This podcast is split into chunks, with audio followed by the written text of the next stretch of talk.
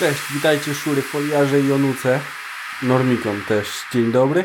Z tej strony Jakub Grygowski i jestem waszym hostem w podcaście Wbrew Cenzurze. Cześć, zaczynamy kolejny odcinek. Nie słyszeliśmy się w zeszłym tygodniu, przepraszam za to bardzo mocno, ale powód miałem no niemały. Organizowaliśmy jako partia Corwin UK w długi weekend piąty polonijny piknik wolnościowy no, powiem Wam, że się działo sporo. Zaraz opowiem kilka rzeczy, bo, bo naprawdę się trochę podziało. Fakt, że to był piąty, a nie siódmy, bo powinien to być siódmy tak naprawdę piknik wolnościowy, z tym, że no, mieliśmy małą, przymusową przerwę. Ostatni piknik się odbył w 2019 roku. Wcześniejsze były regularnie rok po roku, a przez najmodniejszą na świecie chorobę musieliśmy zrezygnować e, z pikników w 2020 i w 2021. Na szczęście Bojo w Wielkiej Brytanii, czyli Boris Johnson, zezwolił łaskawie na spotykanie się już, zniósł restrykcje, które nigdy oczywiście nie były potrzebne i mogliśmy zorganizować przylot naszych gości do Wielkiej Brytanii, żeby spotkać się z Polakami. Polacy też mogli legalnie e, już przyjechać do nas na wydarzenie. My mogliśmy wynająć wreszcie salę, bo wcześniej nawet to by się pewnie nie udało, chyba że gdzieś w jakiejś konspiracji, a tutaj już byśmy nie mieli frekwencji, bo jak powiadomić o takiej konspiracji większą liczbę ludzi, a to ma być piknik. Piknik wolnościowy z nami zawsze wygląda podobnie, znaczy, nigdy nie jest taki sam, ale zawsze jest sporo atrakcji, zabawy, śmiechu. W tym roku naszymi gośćmi byli Sebastian Pitoń z Góralskiego Weta, poseł Konfederacji i wiceprezes partii Korwin Konrad Berkowicz oraz niezastąpiony jedyny w swoim rodzaju prezes partii Korwin i poseł Konfederacji również poseł Janusz Korwin-Mikke. Lista gości długa nie była, ale mimo tego i tak się obawialiśmy, że piknik może zostać albo zerwany, albo może nie dojść do skutku a przynajmniej, że z pewnością będziemy mieć problemy z lewakami naszymi kochanymi wyspowymi, którzy działają całkiem prężnie jak na ich e, marną ilość tutaj. Nie no, tak naprawdę lewaków polskich jest niewielu, ale współpracują prężnie z większymi i think tankami, think tankami i z większymi organizacjami, więc czasami mi się coś uda niedobrego dla nas zrobić. Przepraszam. I tak również było prawie w tym roku. No ale przejdźmy do rzeczy. No właśnie, więc do rzeczy. Jak zawsze zrobiliśmy wydarzenie na Facebooku, zrobiliśmy plakaty bez podawania adresu, adres na ostatnią chwilę, żeby się właśnie lewacy nie dowiedzieli. Oczywiście tam domyślałem się zawsze wcześniej, ale jakby e, policja czy ktokolwiek to nie ma, nie ma dowodów, chyba że się przyjadą do tego podejrzewanego lokalu i zapytają, czy takie wydarzenie ma tutaj mieć w najbliższym czasie miejsce, wtedy właściciele lokalu mogą powiedzieć tak albo nie. Przepraszam, jeszcze raz. Kurczaczek, to będzie nieładne nagranie, jestem przeziębiony trochę. E, więc właściciele lokalu mogą powiedzieć, że tak, takie wydarzenie będzie się odbywać lub nie, nie będzie się odbywać, w zależności od tego, czy chcą powiedzieć prawdę, czy nie. Zazwyczaj ze względu na to, że jest policja i bez sensu kłamać, to mówią prawdę, wtedy się zaczynają schody, my mamy telefony z policją i czasami musimy zmienić salę. Jednak nie tym razem, bo rzeczywiście lewica tutejsza zaczęła działać dosyć szybko i dosyć mocno. Szybko się domyślili, że będziemy mieć piknik. Uwaga, w tym samym miejscu, w którym mieliśmy go w 2019 roku. I kuku. Nic nie mogli zrobić, bo menadżerka i właściciele powiedzieli, ja, on się tak odbędzie, nam nie przeszkadza, wszystko jest legalnie, zapłacone znamy ich, byli tutaj, wykłamiecie. No. Więc już się ucieszyliśmy, że nie będzie problemów. Natomiast um, w sobotę przed piknikiem, piknik miał się odbyć 1 maja, e, w sobotę przed piknikiem miał przyjechać Janusz Korwin-Mikke z rodziną, z dwójką dzieci, z żoną. I kiedy byli na lotnisku, dzwonią do nas i mówią, że nie polecą. Nie udało się odprawić prezesa Korwin-Mikkego, dlatego że użył niestety zamiast dyplomatycznego paszportu, to użył zwykłego. I przez to okazało się, że nie może wlecieć, że ma zakaz wjazdu do Wielkiej Brytanii jako osoba prywatna, próbując lecieć na swoim zwykłym paszporcie, a nie, tak jak mówię, na dyplomatycznym, który też miał przy sobie. Trochę było za późno, żeby tam zmieniać wszystko. Zresztą nie byliśmy pewni, czy to wina dyplomatycznego paszportu, czy nie. Dowiedzieliśmy się tylko, że Home Office, czyli Ministerstwo Spraw Wewnętrznych, zabroniło prezesowi wjazdu, więc prezes, prezesa rodzina przyleciała do nas, a my myślimy, co zrobić.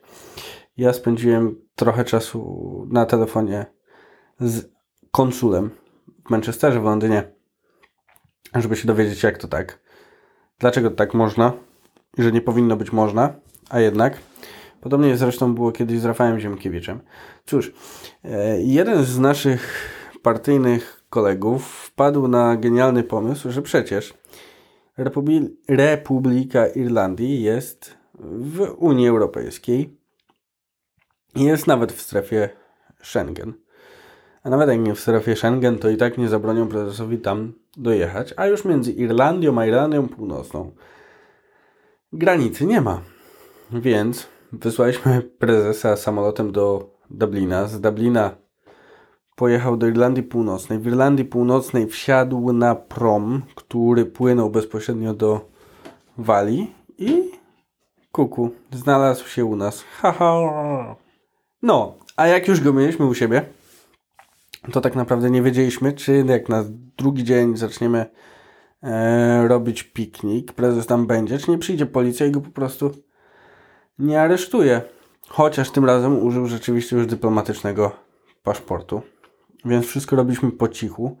Policja przyjechała jeszcze zanim prezes e, dojechał, ale powiedzieli, że jak najbardziej jest ok wszystko, że oni tutaj są po to, żeby pomóc, gdybyśmy potrzebowali i żebyśmy mówili w razie czego, ale pojawił się też jeden jeszcze problem, a mianowicie taki, że otóż Korwin przyjechał, przyleciał w sobotę w nocy, Sebastian Pitoń już w piątek, ale mieliśmy jeszcze jednego gościa, Konrada Berkowicza, który przylatywał e, już na sam piknik w dniu wydarzenia w niedzielę i nie byliśmy pewni, czy jego na czarnej liście Brytyjczycy mają, czy, czy nie mają.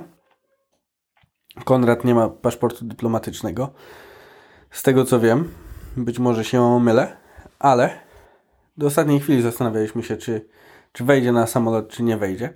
Udało się, nie jest na czarnej liście. Choć, jak się dowiedziałem, dopiero wczoraj, nagrywam to 8 maja, dowiedziałem się 7 maja, znalazłem artykuł w think tanku Faith Matter, e, który informował, że są w kontakcie z Home Office i nalegają na odwołanie wydarzenia lub niewpuszczenie przynajmniej dwóch z trzech naszych prelegentów, czyli właśnie prezesa Korwin-Mikkego i Konrada Berkowicza. Wydaje mi się, jeśli się nie mylę, to, to jest to bardzo prawdopodobne, że to właśnie ten think tank dosyć spory wpłynął na to, że prezes miał problemy na granicy i na lotnisku. E, wydaje się, że Home Office nie miał zbyt wiele materiału dowodowego tak na szybko, żeby zabronić też wstępu Konradowi, dlatego mu się udało i mam nadzieję, że przy kolejnych okazjach też będzie wpuszczany i nie będzie żadnych problemów, ale myślę, że już powinniśmy myśleć nad ewentualnym planem B i nad tym, jak przemycić tym razem pewnie Korwina i Berkowicza. Cóż, konspiracja rzeczywiście jak na wojnie. Nie ma to tamto, ale to jest chrzest bojowy dla nas. Za każdym razem, za każdym razem przekonujemy się, że nic nas nie powstrzyma i że za, zawsze to, co sobie postanowimy, to zrobimy, że nasze wydarzenia dojdą do skutku. I także w tym przypadku prezes Korwin-Mikke uważa, że to może być e, prowokacja lewicy, która tylko zadzwoniła do Ryanair, czyli do linii, w których prezes miał e, bilet wykupiony i, i podała się za home office, czy powiedziała, no, nie wiem.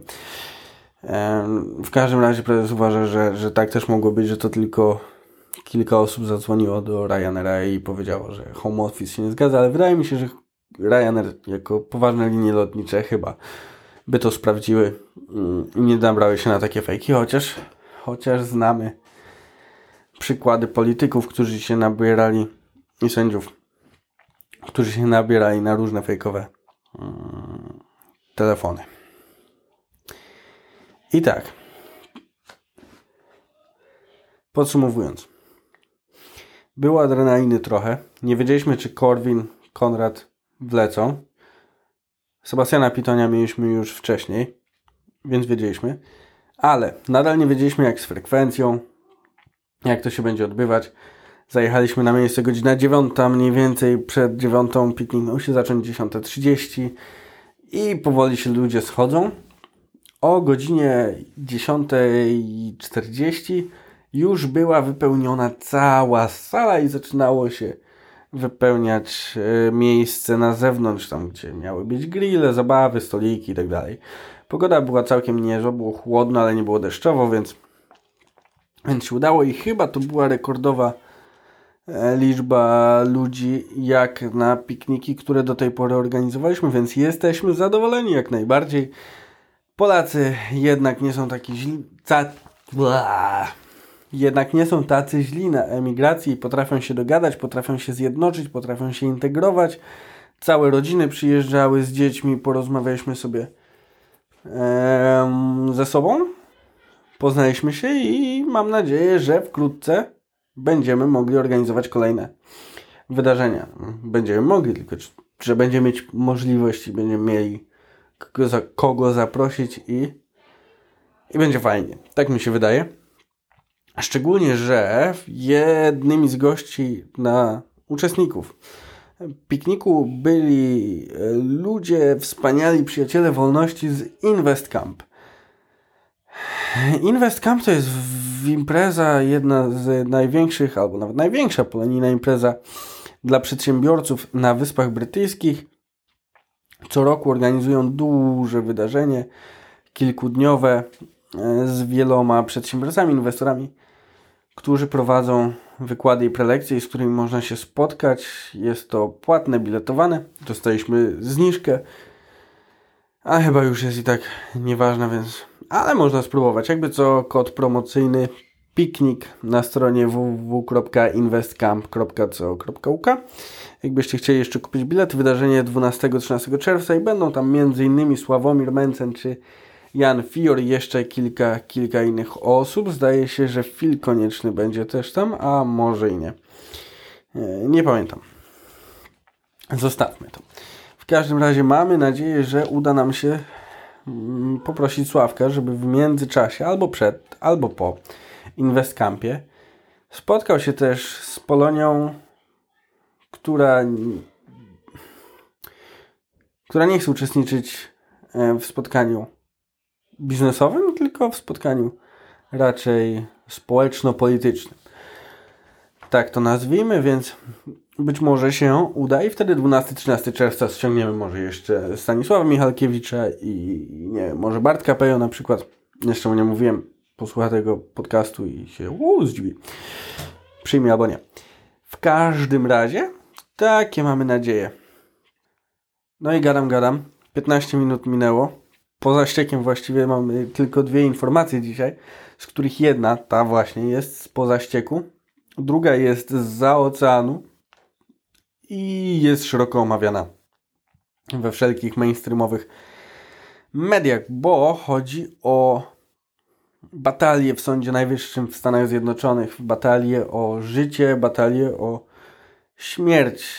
E, Sąd Najwyższy w Stanach Zjednoczonych próbuje uniemożliwić, zakazać, a właściwie to tylko ograniczyć prawo do aborcji.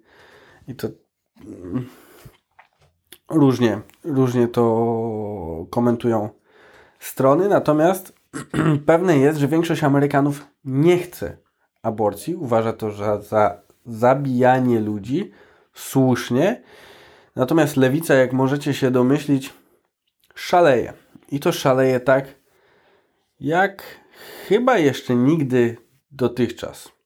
Bo czy słyszał ktoś wcześniej o tym, żeby tolerancyjna i mówiąca mową miłości lewica otwarcie, bez ceregieli, pisała listy i informowała o tym, że jeżeli takie prawo będzie procedowane, to w ramach odwetu za tysiące lat, yy, jak to się nazywa, patriarchatu i tłamszenia praw kobiet, będą wchodzić do kościołów katolickich i profanować hostie, będą profanować najświętszy sakrament ciało Chrystusa.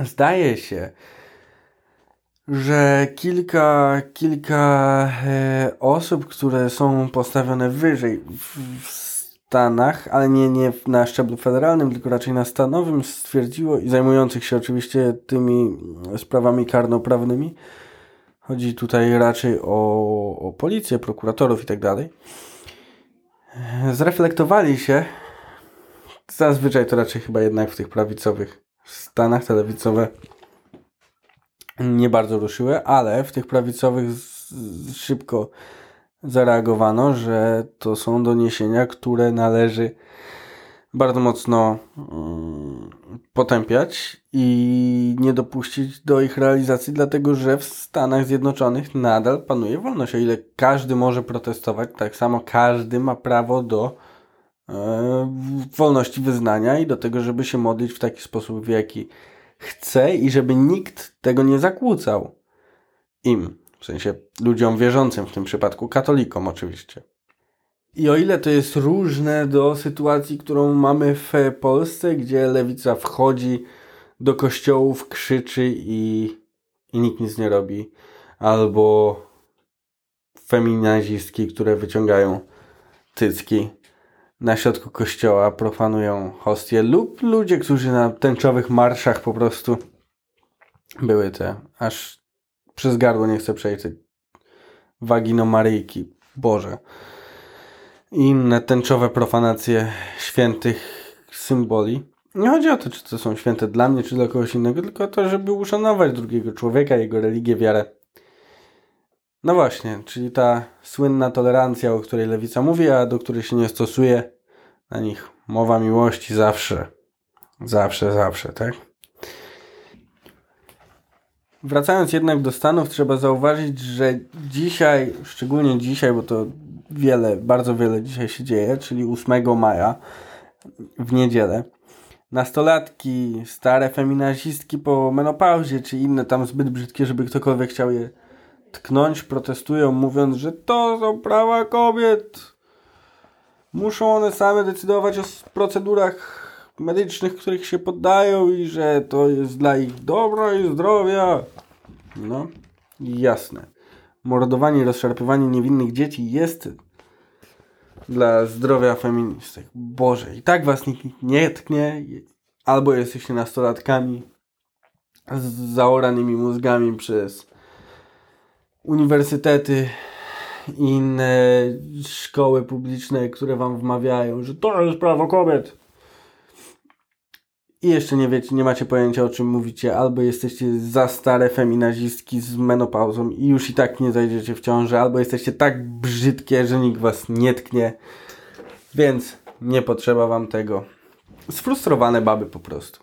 Jeszcze raz, większość Amerykanów naprawdę nie chce aborcji legalnej. Szczególnie w tych skrajnych e, formach, które mają miejsce w Stanach tych arcylewackich, takie jak Nowy Jork czy Kalifornia. W Nowym Jorku przecież aborcja jest dozwolona aż do momentu porodu, czyli kobieta wjeżdża na porodówkę, rozstawia nogi, może powiedzieć, ja jednak nie chcę, skrupcie, skropcie, tak? Mordujcie. Zresztą nie o to chodzi, bo dziecko, człowiek powstaje w milisekundę po spotkaniu się komórki żeńskiej z męską i tutaj nie ulega to żadnej wątpliwości. Już w tym momencie nie wolno przerywać życia umyślnie. A, a co dopiero do do momentu porodu. To jest chore. Ci ludzie są chorzy. Mówią, o, Putin niedobry, a Hitler był niedobry, a naziści. Oczywiście, ci wszyscy ludzie byli niedobrzy. Ale nie było na świecie w historii człowieka większego ludobójstwa niż to. Nie było i chyba nie będzie. 50 milionów ludzi jest mordowanych przez aborcję. Każdego roku. 50 milionów rocznie. Tego się nie da w żaden sposób usprawiedliwić. I ja nie chcę słyszeć o jakichś tam, o to jest zlepek komórek, eee, moje ciało, moja sprawa. Nie, nie twoje ciało, tylko ciało dziecka i to jest rzeczywiście jego sprawa, chociaż nie może się jeszcze odzywać, a nie twoja. Trzeba było sobie nie dawać wkładać i zalewać się i... A! 50 milionów. 50 milionów dzieci jest mordowanych.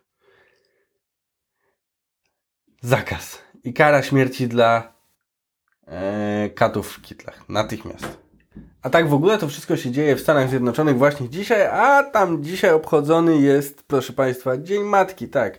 W Dzień Matki jedni składają życzenia swoim matkom, a drugie kobiety, które mogłyby być matkami, krzyczą: O, ja chcę się skrobać, nie chcę być matką, nie chcę mieć dnia matki. Super, no, świetnie, genialnie. Dajcie prawo kobietom do niebycia matkami. Macie to prawo, możecie po prostu nie wchodzić z nikim do łóżka albo, albo się zabezpieczyć w jakiś sensowny sposób. I tyle. Zresztą były komentarze przecież, że e, jak też było powiedziane, że hookup culture będzie, pójdzie do lamusa, jeżeli to prawo zabraniające czy ograniczające aborcję przejdzie. No tak, przejdzie. Hookup, czyli te takie przygodne, tak? E, spotkania seksualne między ludźmi. Tak, to pójdzie do lamusa i bardzo dobrze. To jest coś wspaniałego, intymnego i to powinno być między ludźmi, którzy coś do siebie czują, albo mają jakieś wspólne plany, albo chcą czegoś więcej, a nie tylko bum bum, do widzenia, bam, wyskrobię sobie to, co weszło, tak? Nie, tak nie można. Tak nie robimy. O Matulu już 23 minuty, a tu czeka nagroda ledwo Sapiensa. Właściwie to dwie nagrody, bo po pierwsze w zeszłym tygodniu nie było. Po drugie, kategoria jest podobna. No a po trzecie, jedno będzie z Polski, drugie z USA. I poza tym to nie mogłem się zdecydować, które, które z tych, którą z tych wypowiedzi najgłupszych, jakie usłyszałem w tym tygodniu, wybrać. Więc numer jeden z naszego krajowego polskiego podwórka. Pamiętacie, jak Natalia Przybysz kilka lat temu powiedziała, że dokonała aborcji, bo ma za małe mieszkanie i to jest fajne. I tam jej lewicowe nastolatki klaskały. O, brawo, twoje prawo, twoje mieszkanie, twoje prawo, nie masz miejsca, nie musisz kupować nowego. Gdzie tam się będzie dziecko gnieść, lepiej je zamordować. I to było kilka lat temu. A dziś, kiedy mamy sprawę Ukrainy i wojny, to co Natalia Przybysz mówi? Coś zupełnie innego. Przepraszam. Mówi. Żadne mieszkanie nie jest za małe na odrobinę miłosierdzia. I chodzi oczywiście o to, żeby przyjmować ukraińskich uchodźców. O ile się zgadzam, tak, pomagajmy ludziom, jak możemy, przyjmijmy kogo trzeba, spoko, ale jak a mordujesz swoje dziecko, bo masz za małe mieszkanie, a później mówisz, o, ja przyjmę kilku uchodźców, bo żadne nie jest za małe mieszkanie na odrobinę miłosierdzia, to przecież tej kobiecie to należy w pysk dać, przepraszam. Bo co innego. Mm. Dobra, zaczynam nie nosić. Starcie. Nagroda Ledwo Sapiensa numer dwa. Otóż ta jest, tak jak mówiłem, ze Stanów. Protestujące frustratki, tam będące te nastolatki, wszystkie inne z menopauzami i te brzydale z niebieskimi włosami i obwisłymi cycami krzyczą: Aborcja ratuje życie. A ja się pytam, czyje? Cholera, no, no czyje? Okej. Okay. Czasami jest tak, że trzeba uratować życie A lub B, czyli matki lub dziecka. I wtedy lekarz ma prawo dokonać wyboru zgodnie ze swoim sumieniem i z tym, kto ma większe szanse na przeżycie. Jak najbardziej. To wtedy to nie jest aborcja tak naprawdę, tylko to jest dokonanie wyboru, kogo ratować najpierw, tak? Jak jest wypadek samochodowy, przy, powiedzmy karambol, jest wielu poszkodowanych, to też jak przyjeżdża karetka, to ratują najpierw nie tych, którzy są najbardziej poszkodowani tak naprawdę, tylko tych, którzy mają największe szanse na przeżycie. Taki tutaj. I okej, okay, ale w większości przypadków aborcja co ja mówię? W ogóle, nigdy aborcja nie ratuje życia. Aborcja kończy życie. Zabija, morduje biedne dzieciaczki. Zawsze się kończy tak samo, śmiercią. Zawsze. A, dobra, nie zawsze. Są ludzie, którzy przeżyli aborcję, bo przecież mieli być według lekarzy tak chorzy, że nie przeżyją ani chwili, dlatego ich rodzice często decydowali się na aborcję i i i przeżyli. Dzisiaj oglądałem przez prawie cały dzień, właściwie oglądałem, słuchałem, nie oglądałem. Słuchałem w tle amerykańskiego Fox Newsa i, i właśnie tam dzisiaj jest głośno na ten temat. Były rozmowy z kilkoma osobami, które właśnie przeżyły aborcję i, i straszne. Się dowiedzieć, że twoja matka chciała cię zamordować. Jezus Maria. Tragedia. A, świat schodzi na psy. Świat schodzi na psy. Mamy 27 minut już za sobą, więc trzeba troszkę przyspieszyć, żebyśmy się może w pół godziny zmieścili.